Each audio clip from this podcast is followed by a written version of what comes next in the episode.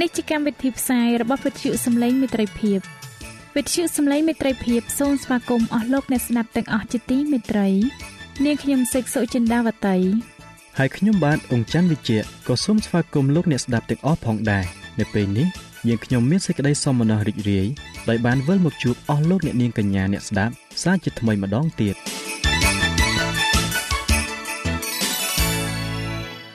នាងខ្ញុំសេកសុចិន្តាវតី សូមជម្រាបជូនកម្មវិធីផ្សាយដែលមានជាបន្តបន្ទាប់ដូចតទៅនេតិបទទំនាយនិងប្រវត្តិសាស្ត្រនេតិស្ថាបនាកម្ពុជាឲ្យប្រសើរចា៎លោកអ្នកស្ដាប់ជាទីមេត្រី នាងខ្ញុំសូមគោរពអញ្ជើញអស់លោកលោកស្រី អ្នកនាងកញ្ញាតាមដានស្ដាប់កម្មវិធីផ្សាយរបស់វិទ្យុយើងខ្ញុំដូចតទៅ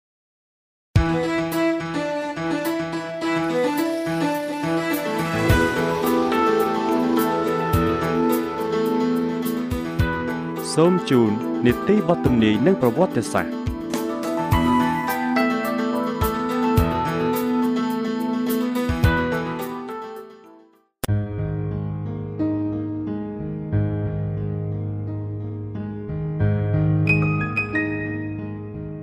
សូមជម្រាបសួរអស់លោកលោកស្រីអ្នកនាងកញ្ញាអ្នកស្ដាប់វិទ្យុសំឡេងមេត្រីភាពជាទីមេត្រី នៅក្នុងកម្មវិធីស្ថាបនាកម្ពុជាឲ្យប្រសើរ នាងខ្ញុំសេកសុចិន្តាវតីមានសេចក្តីសោមនស្សរីករាយដែលបានវិលមកជួបប្រិយមិត្តអ្នកស្ដាប់សាជាថ្មីម្ដងទៀតកម្មវិធីរបស់យើងបាននាំមកនៅ3មេរៀនរួចមកហើយគឺគតិបណ្ឌិតឬប្រាជ្ញា ការដឹកនាំនិងមេរៀនពីប្រវត្តិសាស្ត្រថ្ងៃនេះនាងខ្ញុំសូមលើកយកមេរៀនទី4ដែលមានចំណងជើងថាការបម្រើ មេរៀននេះនឹងនាំលោកអ្នកឲ្យស្គាល់ពីអត្ថន័យពីការបម្រើ សំបីតែធម្មជាតិក៏ស្ដែងចេញឲ្យមនុស្សលោកឃើញពីការបម្រើគ្នាទៅវិញទៅមកដែរព្រោះការបម្រើ គឺជាច្បាប់នៃជីវិតឥឡូវនេះសូមលោកអ្នកពិនិត្យមើលធម្មជាតិដែលព្រះបានបង្កើតមកឲ្យបានដិតដល់គ្រប់អ្វីៗទាំងអស់ក្នុងធម្មជាតិមានជីវិតរស់នៅសម្រាប់ចែកចាយដំណាំរុក្ខជាតិទាំងឡាយផ្ដល់អុកស៊ីសែនដល់សត្វហើយសត្វក៏ផ្ដល់ជាតិកាបូនឌីអុកស៊ីតឲ្យទៅរុក្ខជាតិវិញ។ ទន្លេតូចធំហូរចាក់ទៅក្នុងមហាសាគរហើយមហាសាគរក៏បង្កើតពពក ហើយពពកនោះក៏បណ្ដាលឲ្យមានភ្លៀងដែលបង្អមមកលើផែនដី ហើយចាក់បំពេញដល់ទន្លេបឹងបួវិញផងពន្លឺព្រះអាទិត្យបាននាំជីវិតដល់បុព្វាជាតិផងទាំងឡាយហើយបុព្វាជាតិទាំងនោះញ៉ាំងឲ្យមនុស្សមានអំណររីករាយឡើង ការបម្រើនិងសេចក្តីស្រឡាញ់មានក្នុងគ្រប់ទាំងធម្មជាតិរបស់ព្រះ ទាំងអស់នេះសុទ្ធតែជាមេរៀនសម្រាប់បង្រៀនដល់មនុស្សឲ្យស្រឡាញ់និងចេះជួយគ្នាទៅវិញទៅមកប៉ុន្តែជាសោកនាដកម្មមួយយ៉ាងធំ ដែលមនុស្សយើងភាគច្រើនមិនយល់ពីការបម្រើគ្នាទៅវិញទៅមកទាល់តែសោះពួកគេខំសិក្សារៀនសូត្រឬប្រព្រឹត្តអំពើសោកប៉ាន់ណាមួយដើម្បីឲ្យគេបានធ្វើជាអ្នកធំ ដើម្បីឲ្យគេបម្រើខ្លួនទៅវិញពួកគេស៊ីប្រាក់ខែប្រជាពលរដ្ឋហើយចង់ឲ្យប្រជាពលរដ្ឋបម្រើខ្លួនទៀតតាមពិត ពួកអ្នកធំទាំងនោះត្រូវបានគេតែងតាំងដើម្បីឲ្យមកបម្រើប្រជាពលរដ្ឋរបស់ខ្លួនវិញទេសំបីតែព្រះយេស៊ូវគ្រីស្ទជាព្រះអតិកោដែលបានបង្កើតចក្រវាឡទាំងមូលក៏ទ្រង់សុខចិត្តយាងមកផែនដីយើងនេះដើម្បីបម្រើនិងសង្គ្រោះរាជរបស់ទ្រង់ដែរទ្រង់មិនបានយាងមកដើម្បីឲ្យគេបម្រើទ្រង់ទេទ្រង់បានមានបន្ទូលថាខ្ញុំបានមក មិនមែនឲ្យគេបម្រើខ្ញុំទេ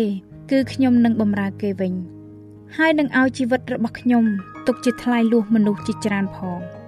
មានចែងទុកក្នុងព្រះគម្ពីរម៉ាថាយចំពុក20ខ28ប្រិយមិត្តអ្នកស្ដាប់ជាទីមេត្រីប៉ុន្តែមានតែមនុស្សដែលមានចិត្តអាត្មានិយមទេ ដែលរស់នៅសម្រាប់តែខ្លួនឯងនោះជីវិតដែលរស់នៅសម្រាប់ខ្លួនឯងនោះប្រៀបបានទៅនឹងរង្វង់មូលមួយ ដែលរីកធំពីខាងក្រៅហើយរួមចូលទៅខាងក្នុងតូចទៅតូចទៅ រហូតដល់ចំណុចសូន្យ រីឯជីវិតមនុស្សដែលរស់សម្រាប់អ្នកដតីវិញនោះប្រៀបបានទៅនឹងរង្វង់មូលមួយ ដែលចេះតែរីកទៅខាងក្រៅធំទៅធំទៅ ហើយញ៉ាំងឲ្យមនុស្សជាច្រើនទៀតបានប្រពរជាបន្តទៀតនេះនាងខ្ញុំសូមអញ្ជើញអស់លោកអ្នកស្ដាប់ពីការយល់សប្តិឃើញពីឋានសួគ៌និងឋាននរករបស់ស្ត្រីម្នាក់សូមបញ្ជាក់ថាយោងតាមព្រះគម្ពីរមិនមានឋាននរកទេ គឺមានតែឋានសួគ៌ដែលជានគររបស់ព្រះ មានស្ត្រីចាស់ម្នាក់បានយល់សប្តិថា គាត់បានចុះទៅឋាននរកគាត់មានការភ្ញាក់ផ្អើលយ៉ាងខ្លាំងនៅពេលដែលគាត់បានឃើញវិមានដ៏ល្អប្រសើរមួយ ដែលមានសាលសម្រាប់ពិធីជប់លៀងនិងតុវែងវែងដែលពោពេញទៅដោយចំណីអាហារដ៏មានឱជារសឆ្ងាញ់ពិសាមនុស្សទាំងអស់អង្គុយនៅជុំវិញតុក៏ប៉ុន្តែគេទាំងអស់គ្នាស្រេកឃ្លាន ហើយមានកំហឹងយ៉ាងក្រៃលែងដៃរបស់គេចងភ្ជាប់នឹងស្លាបព្រាវែង ដែលគេមិនអាចដួសចំណីអាហារទាំងនោះដាក់ក្នុងមាត់គេបានឡើយគេអាចគ្រាន់តែសម្លឹងមើលទៅម្ហូបទាំងនោះហើយជេរប្រតិចដាក់បដាសាដល់វាសនារបស់ខ្លួនគេតែប៉ុណ្ណោះបន្ទាប់មកស្ត្រីនោះក៏បាននាំទៅឯឋានសួគ៌វិញម្ដងគាត់មានការអស្ចារ្យក្នុងចិត្តណាស់ដោយឃើញទស្សនភាពដដែល គឺវាមានដ៏ល្អប្រណិត ហើយមានទាំងសាលសម្រាប់ពិធីជប់លៀង មានមនុស្សអង្គុយនៅតុវែងវែងដែលពោពេញទៅដោយចំណីអាហារដ៏មានឱជារសឆ្ងាញ់ពិសាពួកគេទាំងនោះក៏មានស្លាបព្រាវែងវែងចងភ្ជាប់ទៅនឹងដៃដូចគ្នាដែរប៉ុន្តែពួកគេមានការសប្បាយរីករាយហើយទទួលទានអាហារឆ្អែតឆ្អល់ពីព្រោះពួកគេបានបញ្ចុកគ្នាទៅវិញទៅមកឋាននរកគឺជាកន្លែងដែលមនុស្សគិតតែប្រយោជន៍ផ្ទាល់ខ្លួនឋានសួគ៌គឺជាកន្លែងដែលមនុស្សចេះគិតគូរដល់គ្នាទៅវិញទៅមក លោក Stephen Grillet បានមានប្រសាសន៍ថាអំពើល្អណាឬសេចក្តីសប្បុរសណាដែលខ្ញុំអាចធ្វើទៅបានចំពោះមនុស្សនោះខ្ញុំគួរតែធ្វើឥឡូវនេះព្រោះខ្ញុំនឹងមិនដើរតាមផ្លូវនេះម្ដងទៀតឡើយប្រិយមិត្តអ្នកស្ដាប់ជាទីមេត្រីសូមស្ដាប់ពីរឿងរបស់ស្ត្រីទី2នេះវិញម្ដង មានស្ត្រីម្នាក់មានការយំសោកជាខ្លាំងនៅពេលដែលម្ដាយបានស្លាប់ទៅ នាងបាននឹកស្ដាយដោយគិតថា នាងបានធ្វេសប្រហែសក្នុងការថែរក្សាគាត់ក្នុងកាលដែលគាត់មានវ័យចាស់ជរាទៅហើយឥឡូវនេះម្ដាយរបស់នាងបានទទួលអនិច្ចកម្មទៅហើយនាងពុំមានវិធីណាដែលនឹងសម្ដែងនៅសេចក្តីស្រឡាញ់ទៅគាត់វិញបានសោះក្នុងខណៈដែលនាងអធិដ្ឋានសូមខមាលទោសនោះ នាងបានលើពាក្យទាំងនោះពោលមកកាន់នាងថាចូលអ្នកធ្វើសម្រាប់មនុស្សដែលរស់នៅចុះនៅអ្វីដែលអ្នកធ្វើប្រហែសមិនបានធ្វើចំពោះមនុស្សដែលស្លាប់ តាំងពីពេលនោះមក នាងលែងព្រួយចិត្តទៀតដោយនាងបានចែកចាយធនធាន និងកម្លាំងដើម្បីជួយដល់មនុស្សដទៃរីឯភាសាសំស្ក្រឹតបានសម្ដែងថាម្សិលមិញគឺជាការយល់សពហើយថ្ងៃស្អែកគឺគ្រាន់តែជាការស្រមៃប៉ុន្តែប្រសិនបើយើងធ្វើការល្អនៅថ្ងៃនេះនោះរាល់ថ្ងៃម្សិលនឹងคล้ายទៅជាសុបិននៃសុភមង្គល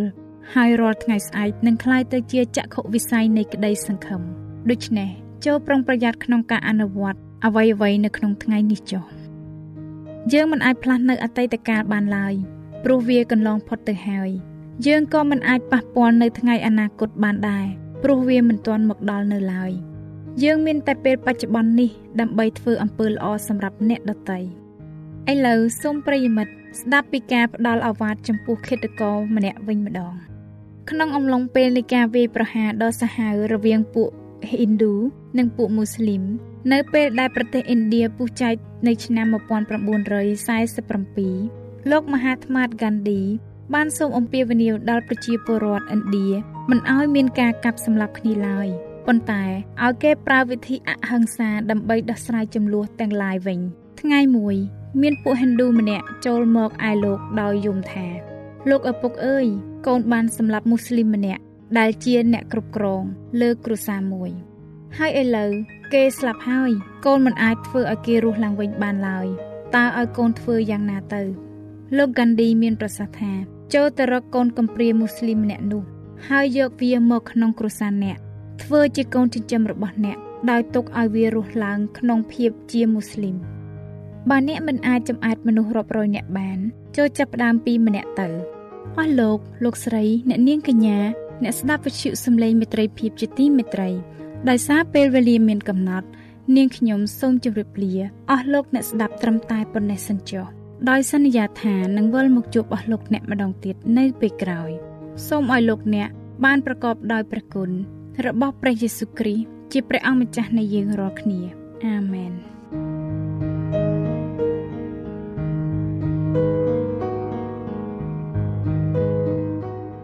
ចា៎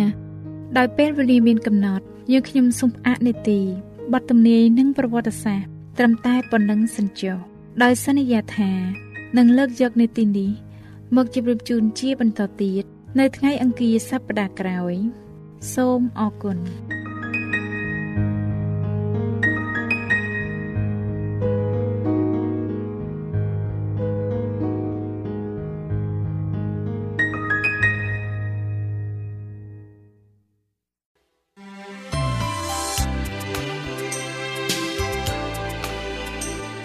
Visual សំឡេងមេត្រីភាព AWR ជា Visual ដែលនាំមកពីក្នុងការនាំព្រះរាជសាររបស់ព្រះជាម្ចាស់សម្រាប់លោកអ្នក។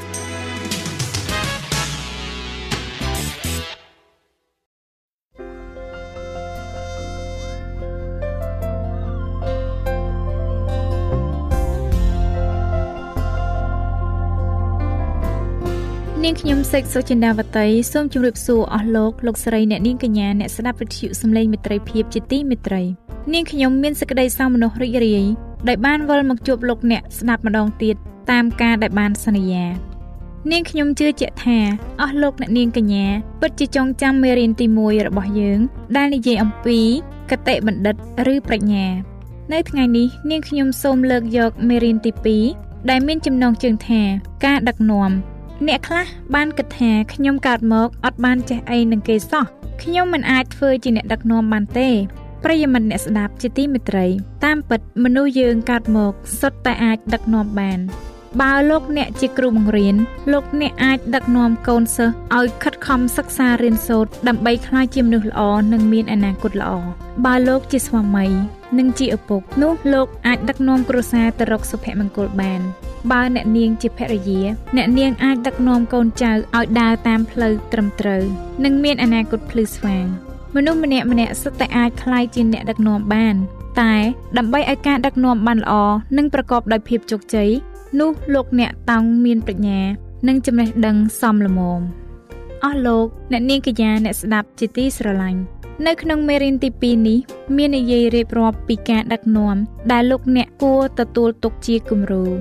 និងជាមេរៀនសម្រាប់ជីវិតនិងពីការដឹកនាំដែលលោកអ្នកគួរតែជៀសវាងឲ្យឆ្ងាយដើម្បីឲ្យការដឹកនាំរបស់លោកអ្នកមានប្រសិទ្ធភាព និងមានភាពជោគជ័យនោះនាងខ្ញុំសូមគោរពអញ្ជើញអស់លោកលោកស្រីអ្នកនាងកញ្ញាតាមដានស្ដាប់ដូចតទៅកាលណាយុទ្ធធរគ្រប់គ្រងនៅក្នុងប្រទេសនោះជនជាតិទាំងឡាយមានចិត្តរីករាយតែកាលណាអយុត្តិធម៌គ្រប់គ្រងវិញ នោះបណ្ដាជនស្រែកធ្ងោឡើងសុភាសិតជំពូក29ខ2 សេចក្តីយុត្តិធម៌ធ្វើឲ្យប្រទេសជាតិបានថ្កុំថ្កើងក៏ប៉ុន្តែសេចក្តីអយុត្តិធម៌នាំឲ្យប្រទេសជាតិអាប់អោនកេរ្តិ៍ឈ្មោះសុភាសិតចំពុក14ខ34បើមេដឹកនាំធ្វើត្រឹមត្រូវចំពោះអ្នកក្រនោះតំណែងរបស់លោកនឹងមានសុវត្ថិភាពសុភាសិតចំពុក29ខ14អ្នកកាន់អំណាចដែលជិះជាន់លើអ្នកក្រីក្រ នោះប្រៀបបានទៅនឹងព្យុះសង្គ្រាដែលបោកបក់បំផ្លាញអស់ទាំងផលដំណាំសុភាសិតចំពុក29ខ3 អ្នកគ្រប់គ្រងដែលទៀងត្រង់តាំងនគរឲ្យមាំមួនតែអ្នកគ្រប់គ្រងណាដែលស៊ីសំណូកនោះនឹងធ្វើឲ្យស្រុកវិនាសវិញសុភាសិតចំពុក29ខ4អ្នកគ្រប់គ្រងដែលទទួលស្ដាប់នៅពាក្យកុហករមែងមានមន្ត្រីជាអ្នកពុករលួយសុភាសិតចំពុក29ខ12អំពើឧក្រិដ្ឋកើតឡើង ពេលណាមនុស្សអាក្រក់នៅកាន់អំណាចប៉ុន្តែពលរដ្ឋដែលកាន់ច្បាប់នឹងឃើញគេធ្លាក់ចុះវិញ សុភាសិតជំពូក29ខ16ប្រិយមិត្តអ្នកស្ដាប់ជាទីមេត្រី ខាងក្រោមនេះនឹងនិយាយអំពីភាពកំសោយរបស់លោកពីឡាត់លោកពីឡាត់ជាជនជាតិរ៉ូមជាចៅហ្វាយលើស្រុកយូដាក្នុងសម័យព្រះយេស៊ូវដោយសារមេដឹកនាំស្រុកនោះមានចិត្តច្រណែននឹងព្រះយេស៊ូវនោះពួកគេបានចាប់ខ្លួនទ្រង់នៅវេលាយប់ហើយក៏ចោទប្រកាន់ទ្រង់ដោយក្លែងប្រឌិតនៅចំពោះមុខលោកពីឡាត់ថា ព្រះយេស៊ូវមានទោសឧក្រិដ្ឋប្រឆាំងនឹងស្រុកទេពួកគេបានអុចអាលវងមនុស្សឲ្យស្រ័យទៀមទាឲ្យឆ្កាងសម្លាប់ទ្រង់លោកពីឡាតបានដឹងច្បាស់ថាព្រះយេស៊ូវសុចរិតអត់ទោសហើយគាត់ក៏មានបំណងចង់ដោះលែងទ្រង់ឲ្យមានសេរីភាពឡើងវិញប៉ុន្តែមេដឹកនាំទាំងឡាយសម្លុតគំរាមគាត់ថាបើគាត់មិនឲ្យគេសម្លាប់ព្រះយេស៊ូវទេនោះគេនឹងរាយការណ៍ឡើងទៅព្រះចៅអធិរាជ លោកពីឡាតភ័យខ្លាចបាត់បង់តំណែងរបស់គាត់ប្រសិនបើគាត់មិនបំពេញបំណងមហាជន ជាដំបូងគាត់ចង់សាកល្បងប្រគល់ការទទួលខុសត្រូវទៅលើស្ដេចហេរ៉ូតដែលគង់នៅក្នុងរាជធានីនៅវេលានោះប៉ុន្តែហេរ៉ូតបដិសេធមិនព្រមវិនិច្ឆ័យករណីនោះឡើយបន្ទាប់មកលោកបានប្រឹងប្រែងសម្របសម្រួលដោយឲ្យគេវាយព្រះយេស៊ូវនឹងរំពាត់រហូតដល់បែកឈាមពេញទាំងខ្នងរួចហើយក៏ធ្វើសំណូមឲ្យដោះលែងទ្រង់ ប៉ុន្តែវងមនុស្សនៅតែទៀមទាឲ្យយកជីវិតទ្រង់ដល់ទីបញ្ចប់លោកពីឡាត់ក៏យល់ព្រមតាម ដោយពោលពាក្យថាចូលយកមនុស្សនេះទៅឆ្កាងចុះរួចហើយគាត់បានលាងដៃដោយពោលពាក្យថាយើងគ្មានទោសអ្វីនឹងឈាមនៃមនុស្សសុចរិតនោះទេប៉ុន្តែពីឡាត់មិនមែនអត់ទោសឯណាលោកបានប្រព្រឹត្តអំពើអយុត្តិធម៌មួយដ៏ធំបំផុតក្នុងប្រវត្តិសាស្ត្រលោកបានផ្ដន្ទាទោសដល់ជីវិតទៅលើបុគ្គលសុចរិតមួយគត់ដែលរស់នៅលើលោកនេះ 4-5ឆ្នាំក្រោយមកគាត់ក៏ទទួលវាសនាអាក្រក់ដែលគាត់ខ្លាចនោះព្រះចាស់អធិរាជបានបណ្ដេញគាត់ពីមុខតំណែងរួចក៏និរទេសគាត់ចេញពីប្រទេសទៅកាន់កន្លែងមួយឈ្មោះថា Gol ក្នុងប្រទេសបារាំងហើយគាត់ក៏បានធ្វើអត្តឃាតនៅទីនោះគាត់បានបំពេញលើមនសិការរបស់គាត់ដើម្បីឲ្យតំណែងគង់វង្សប៉ុន្តែគាត់នៅតែបាត់បង់វាដដែល មុខតំណែងបនស័កមិនអាចស្ថិតស្ថេរបានដោយសារការប្រព្រឹត្តបទឧក្រិដ្ឋឡើយការប្រព្រឹត្តដោយលក្ខណៈត្រឹមត្រូវនោះគឺសំខាន់ជាងការមានប្រជាប្រិយភាពប្រិយមិត្តអ្នកស្ដាប់ជាទីមេត្រី នាងខ្ញុំសូមអង្វែអារម្មណ៍លោកអ្នកមកស្ដាប់អំពីសេចក្តីក្លាហានរបស់លោក Calvin Coolidge វិញម្ដងលោក Calvin Coolidge ជាអភិបាលរដ្ឋមួយដ៏ធំនៅក្នុងសហរដ្ឋអាមេរិកនៅពេលនោះក៏មានក្រុមប៉ូលីសបានសម្រេចចិត្តធ្វើកតកម្មមួយ កាលណាក្រុមប៉ូលីសធ្វើកតកម្មនោះច្បាស់ជាមានអំពើកុបកម្មនិងចារកម្មផងដែរលោក Coolidge បានមានប្រសាសន៍ថាគ្មាននរណាម្នាក់មានសិទ្ធិនឹងធ្វើកតកម្មប្រឆាំងនឹងសន្តិសុខនៃប្រជាពលរដ្ឋទោះនៅពេលណាឬនៅទីណាក្តីរួចលោកក៏ប្រកាសថាលោកនឹងហៅកងរក្សាសន្តិសុខជាតិដើម្បីធានាសន្តិសុខជូនសាធារណជន ប្រតិភូមួយក្រុមពីខាងប៉ូលីសបានគំរាមកំហែងដល់លោកដោយពោលពាក្យថា បើលោកហ៊ានតែហៅកងរក្សាសន្តិសុខជាតិឲ្យមកបំបាយកតកម្មរបស់យើងនោះយើងនឹងបំផ្លាញអនាគតរបស់លោកលោកនឹងគ្មាននីតិអ្វីលើឆាកនយោបាយទៀតទេលោកខូលីតសម្លឹងចំទៅមុខពួកគេរួចពោលថា ការនោះវាមិនជាបញ្ហាអ្វីទេអស់លោកចំពោះលោកកូលីតសន្តិសុខរបស់ប្រជាពលរដ្ឋសំខាន់ជាងតំណែងរបស់លោកទៅទៀតនៅវេលាយប់នោះលោកកូលីតបានសរសេរសម្បត្តិទៅកាន់ឪពុកគាត់ថា ខ្ញុំដឹងថាមុខតំណែងលើឆាកនយោបាយរបស់ខ្ញុំនឹងត្រូវចប់ប៉ុន្តែខ្ញុំត្រូវតែធ្វើនៅអ្វីដែលជាការត្រឹមត្រូវក្រមប៉ូលីសបានធ្វើកតកម្មលោកខូលីតបានហៅកងរក្សាសន្តិសុខជាតិដើម្បីរក្សារបៀបរៀបរយព័ត៌មានពីភាពអង្អាចក្លាហានរបស់លោកត្រូវបានគេចុះផ្សាយនៅដើមទំព័រកាសែតទាំងអស់ពាសពេញស្រុកប្រជាពលរដ្ឋកោតសរសើរពីសេចក្តីអង្អាចក្លាហានរបស់លោក ពី3ឆ្នាំក្រោយមកលោកបានក្លាយជាប្រធានាធិបតីនៃសហរដ្ឋអាមេរិកប្រិយមិត្តអ្នកស្ដាប់ជាទីមេត្រី ខាងក្រោមនេះគឺជាការដកស្រង់សម្ដីរបស់អ្នកដឹកនាំមួយចំនួន និងមានការដកស្រង់ពីព្រះគម្ពីរផងដែរអំពើអាក្រក់រីកចម្រើនឡើង កាលណាមនុស្សល្អនៅស្ងៀមមិនធ្វើអ្វីសោះវាសនារបស់ប្រទេសជាតិត្រូវពឹងផ្អែកទាំងស្រុងទៅលើអត្តចរិតរបស់អ្នកដឹកនាំនៃប្រទេសនោះកាតព្វកិច្ចរបស់មេដឹកនាំគឺដើម្បីបម្រើដល់មនុស្សសាមញ្ញ គឺមិនមែនឲ្យអ្នកទាំងអស់នោះបម្រើលោកទេរដ្ឋាភិបាលប៉ូលីសកងទ័ពសាលារៀននិងមន្ទីរពេទ្យសុទ្ធសឹងជាស្ថាប័នសម្រាប់បម្រើដល់ប្រជាពលរដ្ឋ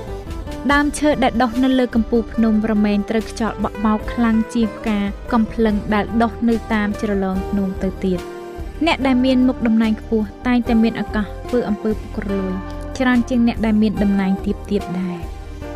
ព្រះយេស៊ូវបានមានបន្ទូលថា អ្នកណាដែលចង់ធ្វើជាធំ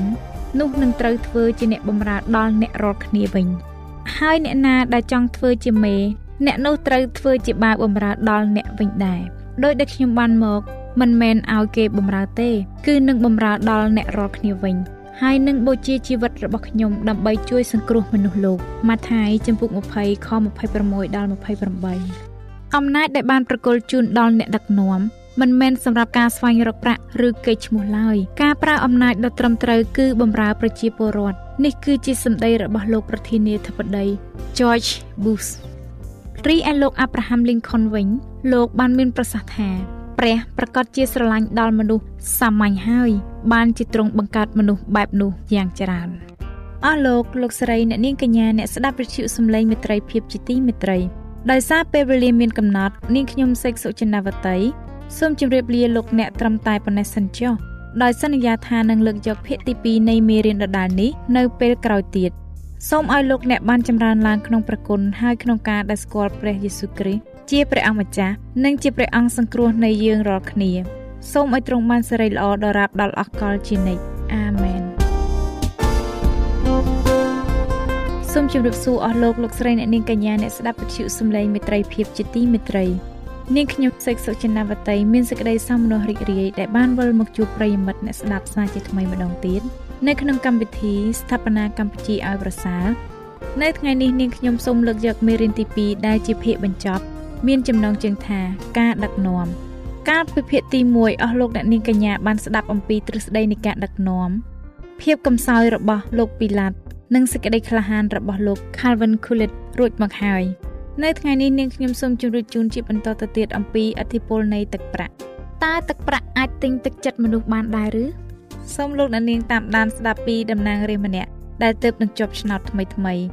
ថាតើទឹកចិត្តរបស់លោកឈ្នះទឹកប្រាក់ឬក៏ទឹកប្រាក់ឈ្នះទឹកចិត្តរបស់លោក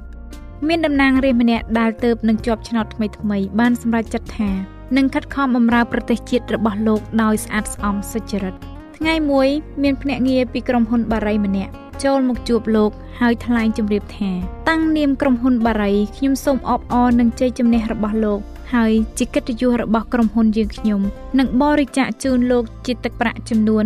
100,000ដុល្លារលោកតំណាងរាស្ត្រក្រវីក្បាលហើយប្រកាសថា ខ្ញុំត្រូវតែសម្រេចចិត្តទៅតាមមនសិការរបស់ខ្ញុំបារីធ្វើឲ្យអន្តរាយដល់សុខភាពរបស់ប្រជាពលរដ្ឋពាណិជ្ជករពីក្រុមហ៊ុនបារីញញឹមហើយបន្តទៀតថាឥឡូវយើងខ្ញុំសូមជូនលោក150,000ដុល្លារប៉ុន្តែនេះទៀតលោកតំណាងរាស្ត្រក៏បដិសេធដោយពោលថាខ្ញុំត្រូវតែមានសេរីភាពសម្រេចនៅអ្វីៗដែលត្រឹមត្រូវពាណិជ្ជករបានបន្ថែមឥឡូវខ្ញុំសូមជូនលោក200,000ដុល្លារចុះតំណាងរាស្ត្រយើង គិតដល់ទឹកប្រាក់200,000ដុល្លារដែលអាចទិញអ្វីៗបានទាំងអស់ដូចជាឡានផ្ទះវិនិយោគជាដើមរួចលោកក៏ឆ្លើយតបថា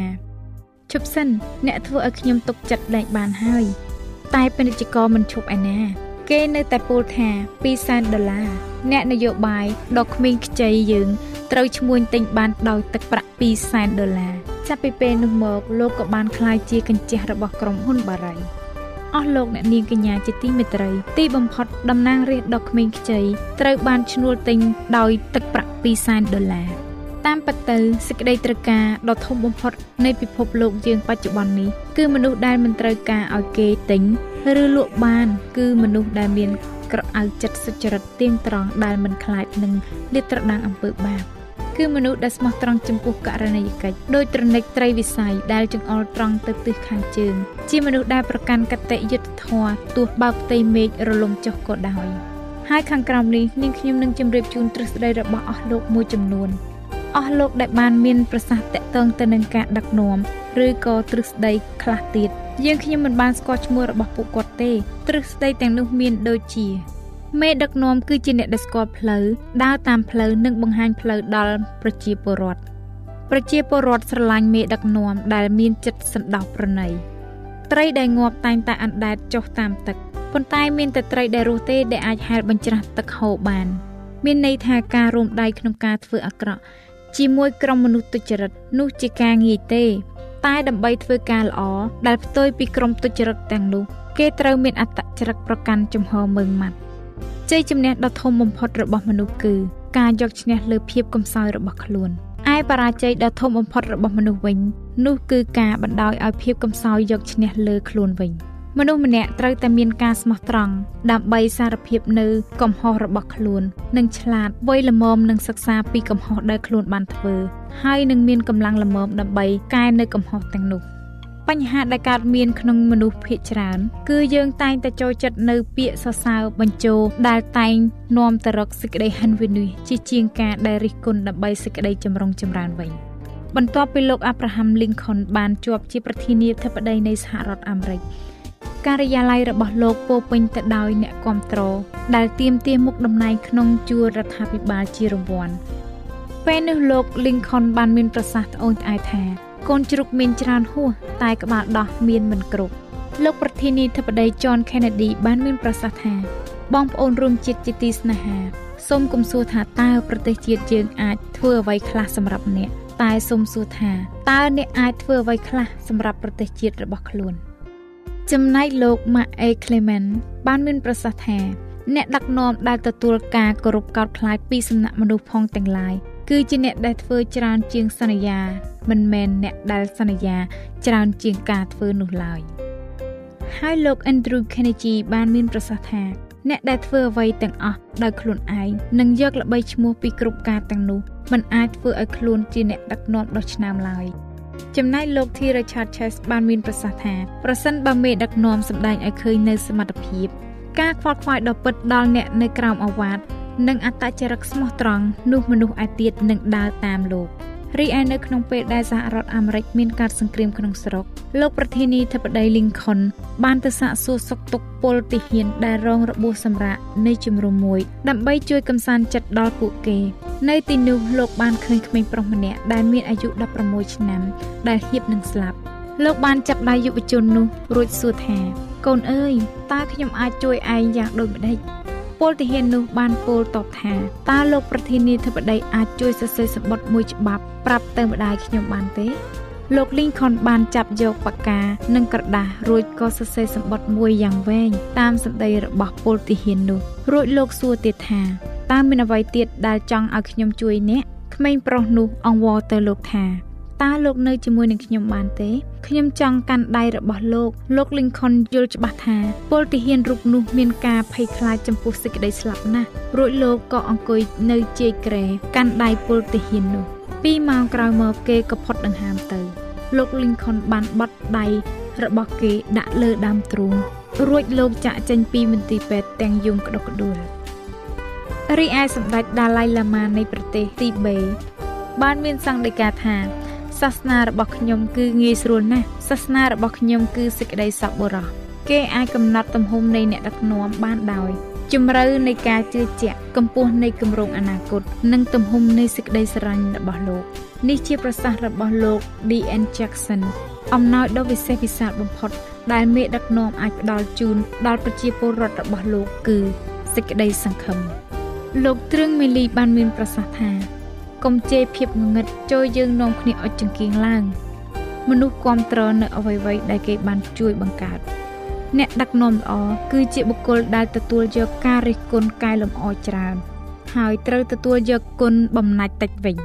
មានផ្លូវពីរយ៉ាងដែលនាំឲ្យមានសេចក្តីមហន្តរាយដ៏ឆាប់រហ័សមួយគឺការមិនព្រមទទួលយកមតិពីអ្នកដទៃនិងមួយទៀតគឺការទទួលយកមតិពីមនុស្សទាំងអស់ដោយមិនបានពិចារណា ការដឹកនាំគឺជាផលិតកម្មមិនមែនជាកៅអីទេអស់លោកលោកស្រីអ្នកនាងកញ្ញាអ្នកស្ដាប់វិទ្យុសំឡេងមេត្រីភាពជាទីមេត្រីដោយសារពេលវេលាមានកំណត់នាងខ្ញុំសេកសុចិន្តាវតីសូមជម្រាបលាអស់លោកអ្នកស្ដាប់ត្រឹមនេះសិនចុះដែលសន្យាថានឹងវិលមកជួបអស់លោកអ្នកម្ដងទៀតនៅពេលក្រោយចូលឲ្យលោកអ្នកបានចម្រើនឡើងក្នុងព្រះគុណហើយក្នុងការស្គាល់ដល់ព្រះយេស៊ូវគ្រីស្ទជាព្រះអង្គសង្គ្រោះនៃយើងរាល់គ្នា សូមឲ្យទ្រង់បានសិរីល្អដរាបដល់អកលជានិច្ចអាមែន